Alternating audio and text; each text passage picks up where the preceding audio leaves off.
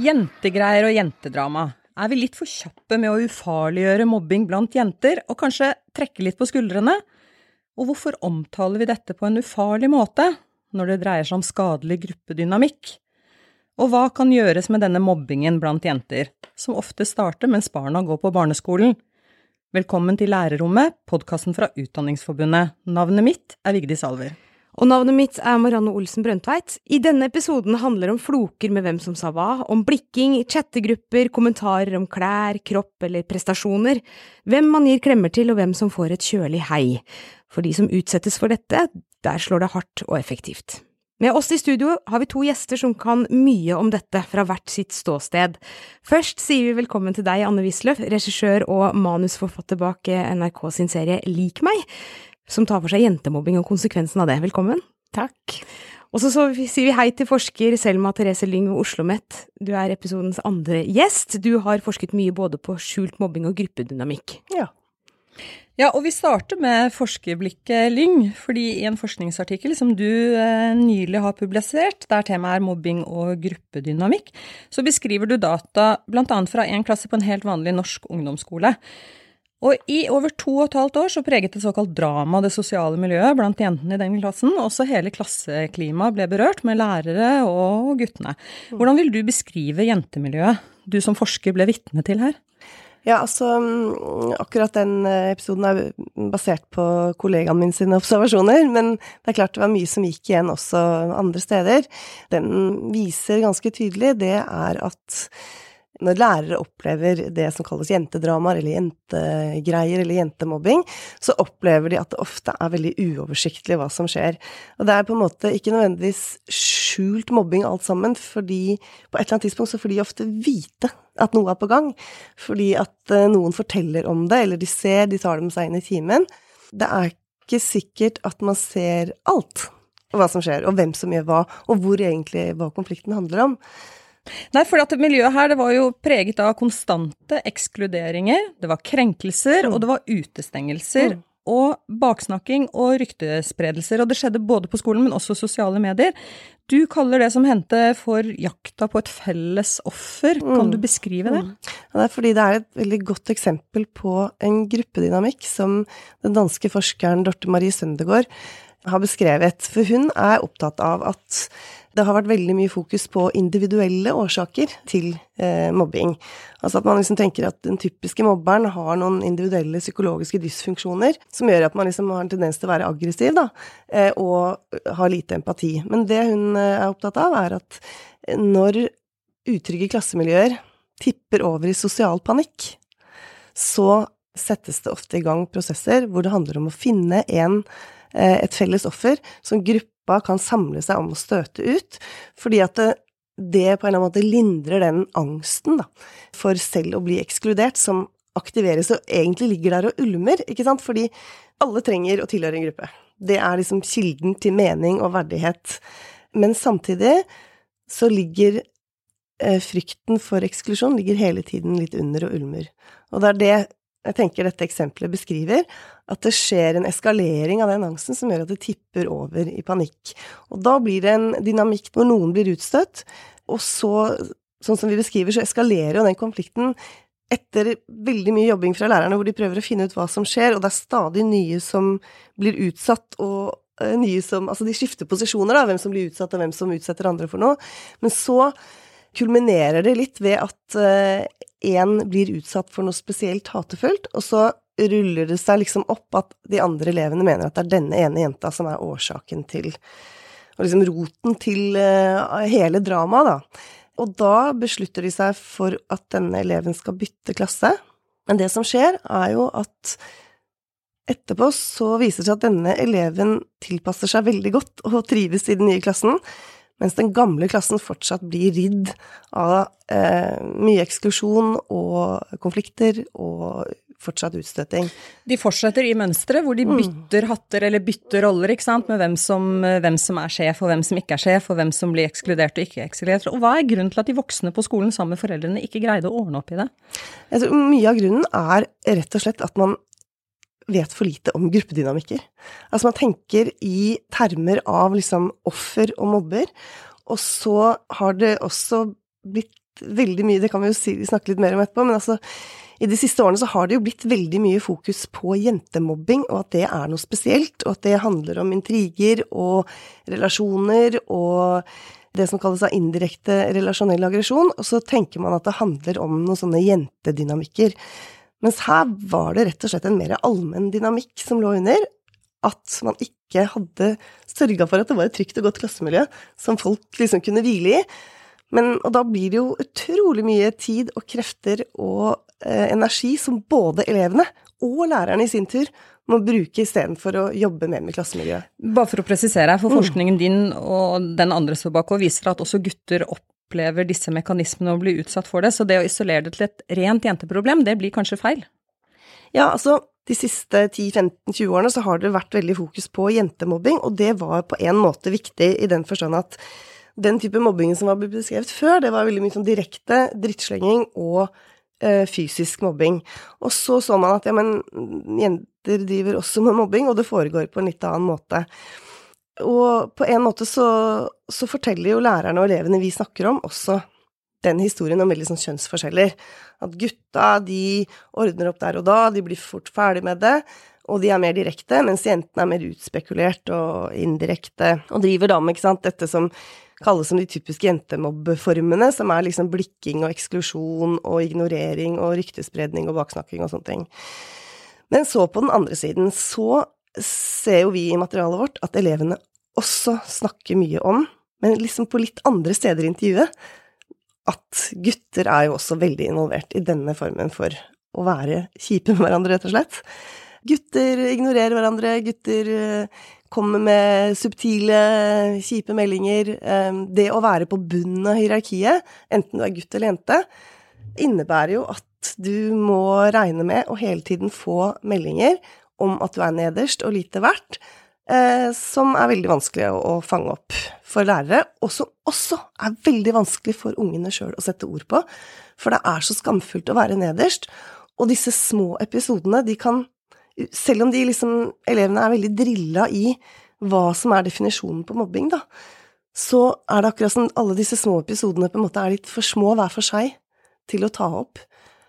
Så det blir en situasjon Og jeg tenker at det er en faktor til også, det som handler om dette med sosiale hierarkier. At det er så utbredt, og det er så vanlig, og vi har levd, vi voksne også, så med det, at vi tar det for gitt. At det er litt sånn det bare er.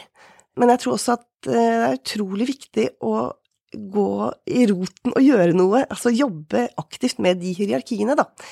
Også selv om man ikke ser at her er det mobbing, fordi at det er så viktig forebyggende.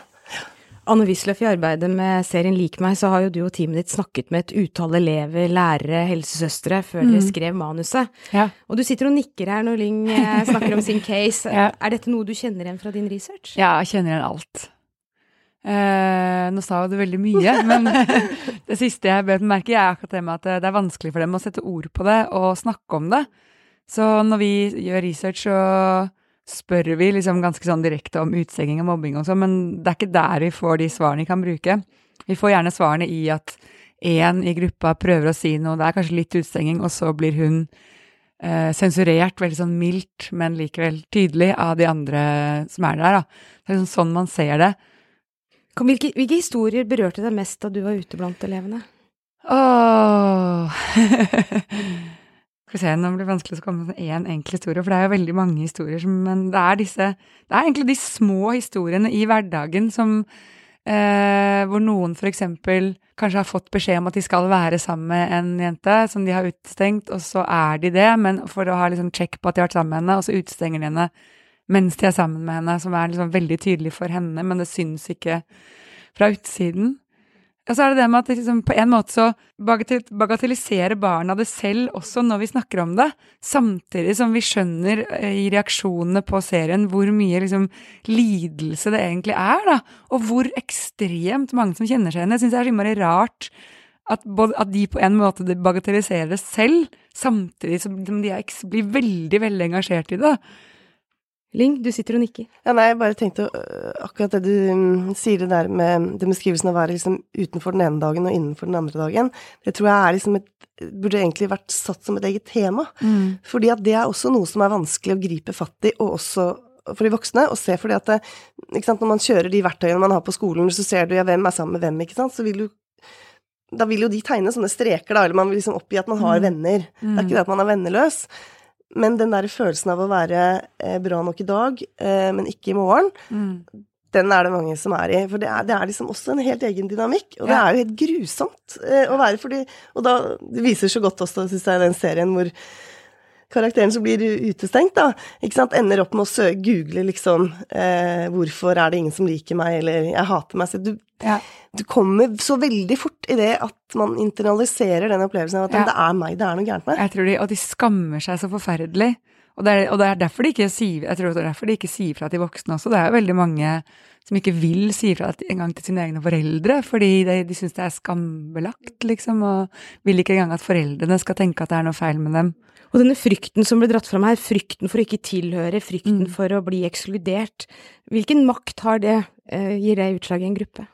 Det jo det, det, det fører jo til at man er villig til å gjøre nesten hva som helst for å ikke bli utstøtt selv, da. Og det føler jeg at det er ganske sånn stort sånn mellomsjikt. Kanskje være noen I min research så viser det seg ofte at det er noen sånn tydelige ledere, da.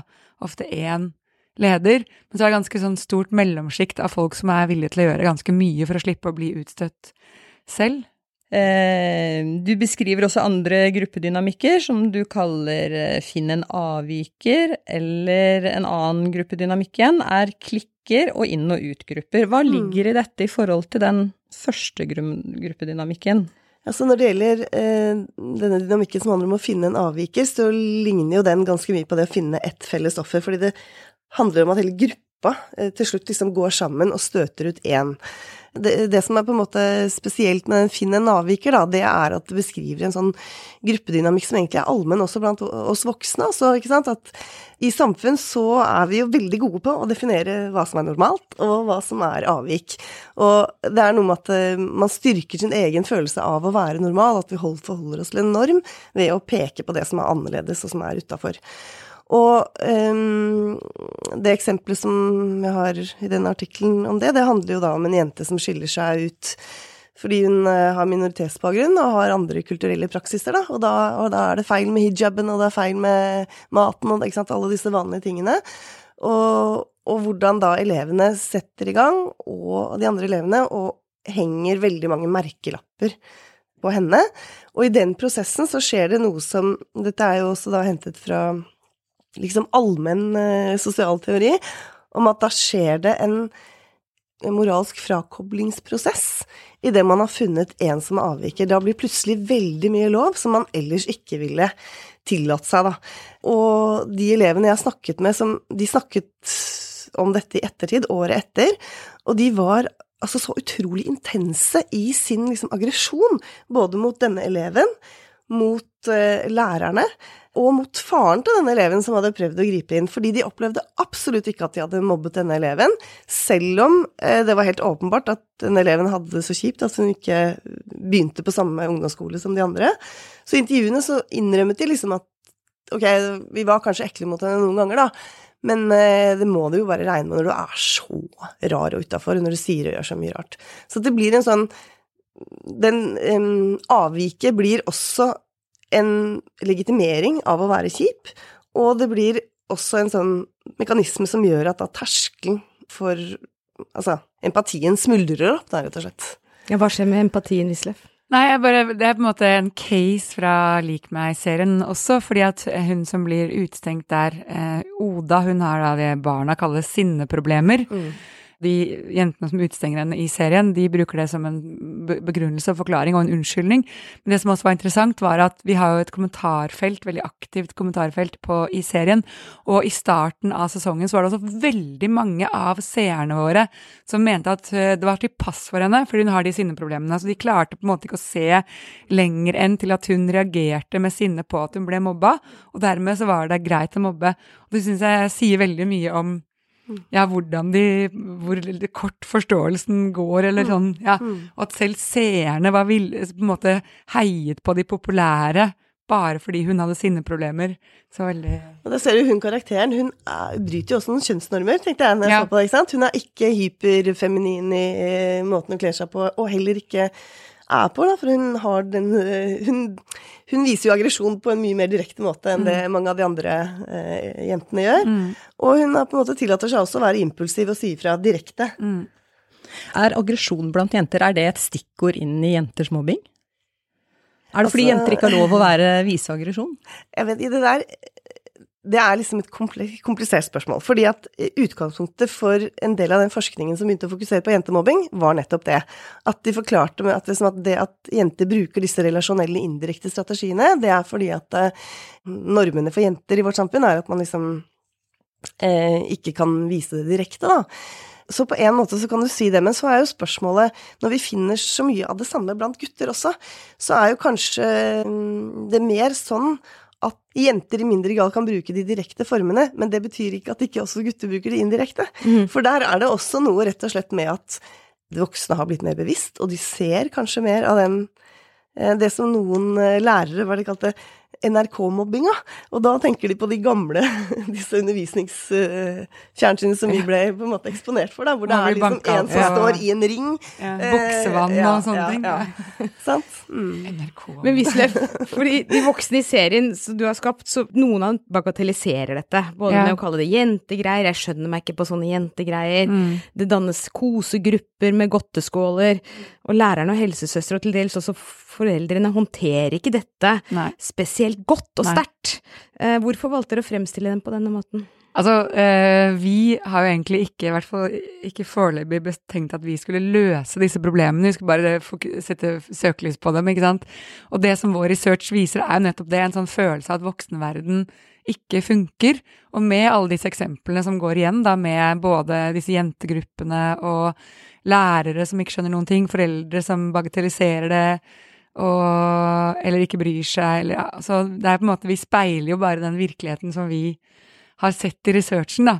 Men i researchen din, hva, hva, har barna sagt noe om hva de ønsker kunne skje? Da? Hva, hva, hva slags oppskrift ligger der til lærere og foreldre og annet støttepersonell om hva på en måte Så når, jeg, når vi har spurt om det til nå, så svarer de nesten de fleste at de ikke vil at de voksne skal blande seg fordi det går galt. Altså særlig sånn foreldre som blander seg og begynner å krangle seg imellom, eller baksnakke seg imellom, eller bare tror bare på sitt barn. Altså det blir masse trøbbel, i hvert fall sånn når det er snakk om å si fra til foreldrene, da. Så de, det har de ikke noe opplevelse. Altså, jeg har ikke snakket med noen hvor skolen har klart å ordne opp i noen sånn nevneverdig grad, i hvert fall hvor de, ikke hvor de har kommet med gode eksempler, da. Men ligger dette litt i nettopp det at vi individualiserer i for stor grad? Det er skurk, helt, offer, overgriper eller mobber. Ja, det kan godt hende, altså. At det er litt mer sånn null og én, ikke denne komplekse gruppedynamikken vi som foreldre eller kanskje ikke klarer å få grep om? Jeg tror, her tror jeg det er masse viktig som du tar opp. Eh, oi, ja, det er mange ting å svare på. Men, jeg, men jeg, bare for å si direkte til det med offer og overgriper og sånn, så tror jeg nok at eh, de der figurene som vi har laget oss i hodet, som vi har av den typiske mobberen, de er kanskje så fæle på en eller annen måte, og de skal være så liksom ha så problemer og være så eh, systematisk eh, ondsinnede, da, at det er nesten vanskelig å henge den merkelappen på barn. Sånn at jeg tror at der kan det ligge en sånn vegring mot å faktisk ta tak i enkeltelever som man ser Det jeg kaller eller liker å kalle det egentlig, at når du For det ser man jo. Man ser jo enkeltelever som har begynt å spesialisere seg på et mønster hvor de er veldig opptatt av posisjoner, og hvor de bruker det og disse andre eh, som en måte å hevde seg selv. Og det tenker jeg at eh, hvis man har veldig påkobla voksne, både assistenter og lærere, i friminuttene f.eks., i overgangssituasjonene, så er det mulig å se. For det som er viktig her, når du sier dette med at ungene sier at de vil helst ikke at voksne skal blande seg, det er jo fordi de har en erfaring av at Altså, for det første så tror jeg det er fordi at den Det er den derre sånn culture of silence som også gjør at elever som har gode erfaringer, ikke tør å si fra neste gang, fordi at det, den Ja. derre frykten for represalier, eller at det er bare en Det gjør du ikke, den er så innmari sterk, da. Men Ja, jeg bare Mm, skyter inn i, for jeg var og snakka med 50 elever i går, og da var det 'snitches get stitches'. Du skal ikke sladre, liksom. Men, men Lyng, det må vel snakkes mer om i skolen, selv om eh, elevene sier at de ikke vil at det skal snakkes om? absolutt. Og Det er hvordan jo- bør det snakkes om? Hvor det, Ja. Mer inn i klasserommene, i Ja, nei. undervisningen, hva tenker du? Ja, absolutt. Og jeg tenker at den eh, serien Lik meg er liksom en gave. Fordi at eh, noe av det viktigste, tror jeg, det er jo at både voksne bruker mer tid, og også av sin egen erfaring, altså, og setter seg ned og analyserer og undersøker hva som skjer. Jeg tror at um, det fokuset som har vært på at mobbing skal stoppes med en gang, og at det skal være lav terskel, det gjør at skolene er veldig på, og de er redd for å ikke eh, fange opp det som skjer.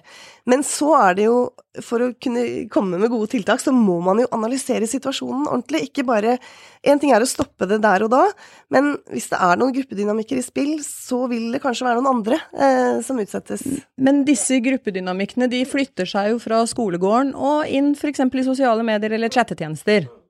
Har det økt eh, mobbingen blant jenter? Altså, det viser seg vel fra den siste elevundersøkelsen at uh, liksom digital mobbing er jo mye mindre Altså, det er mindre av det enn det er av sånn mobbing på skolen. Men poenget er vel det bare det at det blir enda en arena uh, hvor det kan uh, gjøres på. Og man får ikke fri, ikke sant. Dette er jo tematisert av mange. Så, så, det kan være en idé å begynne på skolen? Og snakke mer om det på skolen? Absolutt. Ja. Og jeg tenker jo også at en viktig jobb for skolen er å trekke foreldre mer med, og det er det veldig mange lærere og rektorer som er opptatt av. Hvordan skal vi trekke foreldrene med, og også ansvarliggjøre dem.